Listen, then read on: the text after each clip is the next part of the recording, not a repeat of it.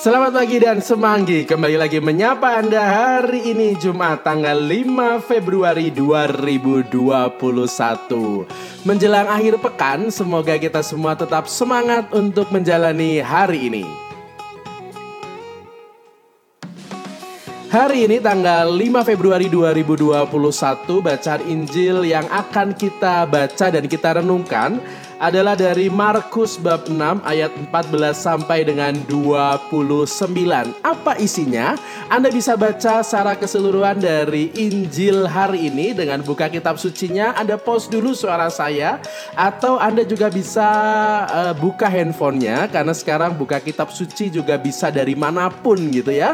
Maka Anda bisa memanfaatkan semua yang ada sambil Anda menikmati hari di hari-hari yang menjelang akhir pekan ini.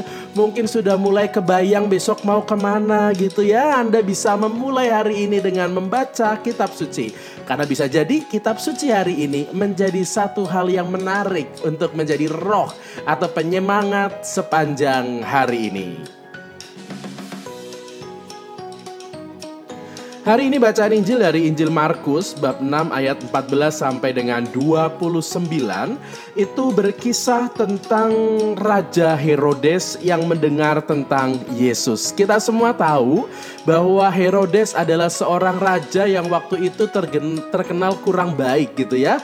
Ada sebuah tindakan moral yang waktu itu kurang baik dan membuat Yohanes Pembaptis mengkritiknya.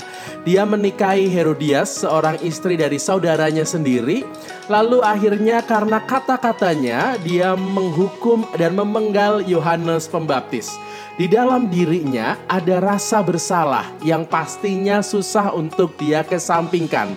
Rasa bersalah itu membuat Herodes seolah-olah di dalam hidupnya selalu terbayang-bayang dengan kesalahan yang pernah dia buat.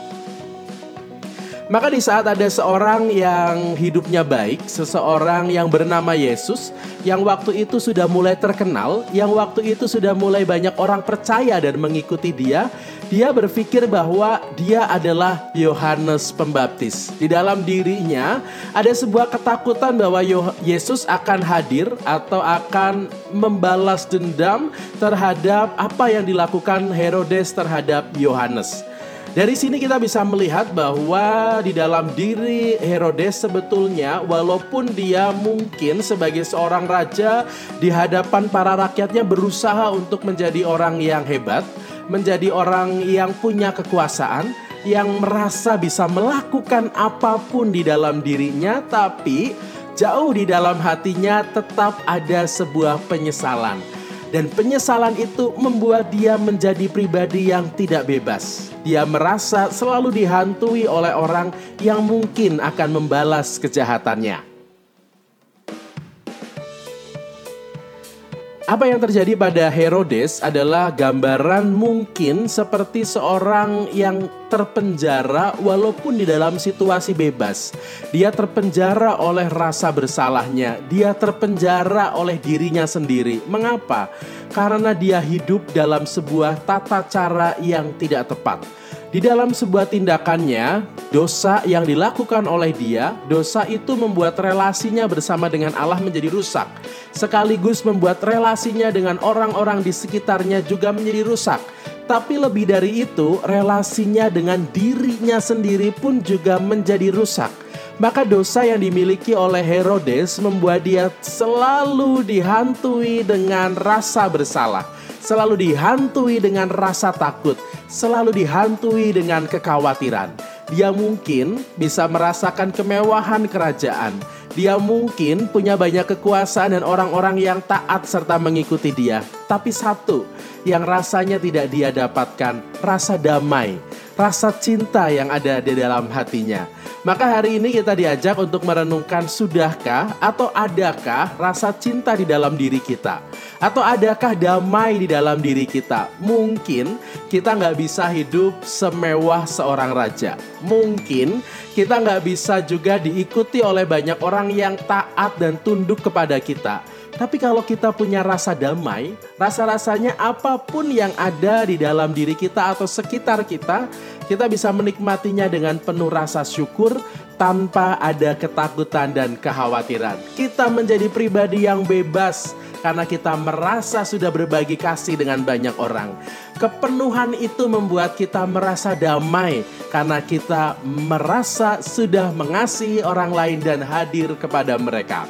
Semoga kita semua juga mempunyai kebebasan dari rasa bersalah. Maka kalau misalnya kita pernah jatuh di dalam dosa, pernah salah kepada orang lain, mungkin hari ini adalah saatnya kita untuk memulai arti kata perdamaian.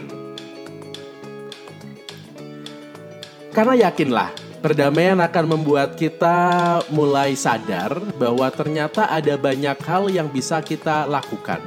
Damai membuat kita menjadi bisa terbuka dengan banyak hal yang bisa kita lihat damai bisa membuat kita akhirnya punya kebebasan untuk mengaktualisasikan diri tanpa takut ada orang yang akan membalas kita.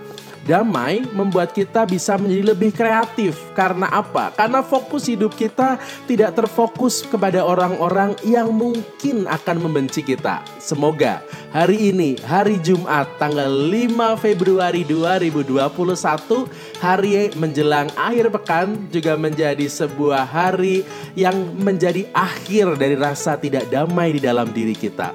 Mari kita membebaskan rasa benci, mari kita membebaskan rasa permusuhan, mari kita membebaskan rasa takut dan khawatir karena justru di situlah kita akan merasakan damai dari Tuhan. Orang yang damai adalah orang yang bisa bersyukur. Orang yang damai adalah orang yang bisa mengaktualisasikan dirinya dan makin kreatif. Orang damai adalah orang yang bisa berbagi. Semoga hari ini, nanti di akhir hari juga menjadi sebuah syukur karena kita merasa damai dan akhirnya menjadikan diri kita penuh dengan semangat untuk berbagi kasih, berbagi kehadiran bagi banyak orang. Terima kasih hari ini Anda sudah mendengarkan Semanggi Jumat tanggal 5 Februari 2021. Selamat pagi, selamat menjalani hari, selamat berkarya, selamat beraktivitas. Salam hangat untuk Anda dan keluarga Anda. Semanggi, semangat pagi hari ini. See you dan bye-bye.